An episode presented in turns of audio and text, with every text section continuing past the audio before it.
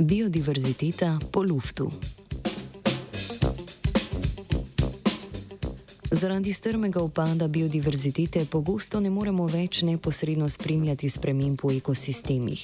Za opazovanje vrst in oceno stanja biotske raznovrstnosti se zato, da nima uporablja posredna tehnika zbiranja okoljske DNK, ki najbolje deluje v vodnih ekosistemih. Kljub široki uporabnosti metode v vodi, pa za zbiranje okoljske DNK iz zraka še ni enovitega pristopa. Britanska raziskovalna skupina je preverila metodo, s katero naj bi zaznali in identificirali fragmente DNK, ki jih živali med interakcijo z okoljem puščajo v okoliškem zraku.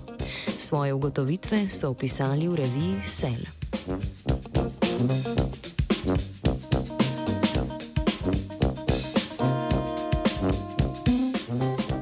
Raziskovalna skupina je, da bi testirala svojo hipotezo o zaznavi in identifikaciji fragmentov DNK v delcih iz zraka, vzorčila zrak v lokalnem živalskem vrtu. Na različnih lokacijah so s pomočjo vakuumskih črpalk zbirali vzorce s črpanjem zraka skozi filtre. Iz delcev pobranih s filtrov so izolirali DNK in jo sekvencirali.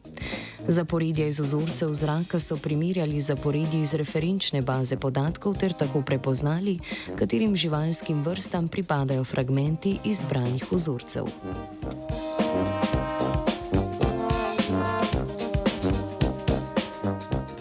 Po analizi so ugotovili, da vzorca ne sestavljajo samo delci DNK, ki pripadajo genomom živali živalskega vrta.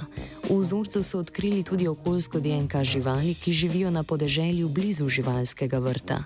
V nekaterih vzorcih so našli tudi DNK živali živalskega vrta, ki bivajo v zaprtih ogradah daleč od mest vzorčenja. Thank you.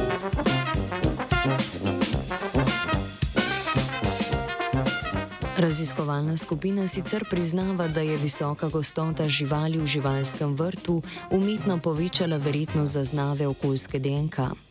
Vpliv na koncentracijo okoljske DNK bi lahko pripisali tudi dejavnostim oskrbnikov in obiskovalcev živalskega vrta.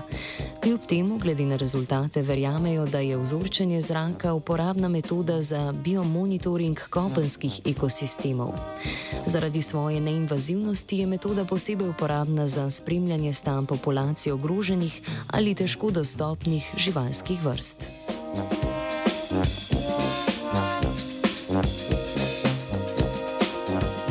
Z okoljsko DNK je po zraku letel vajenec žiga.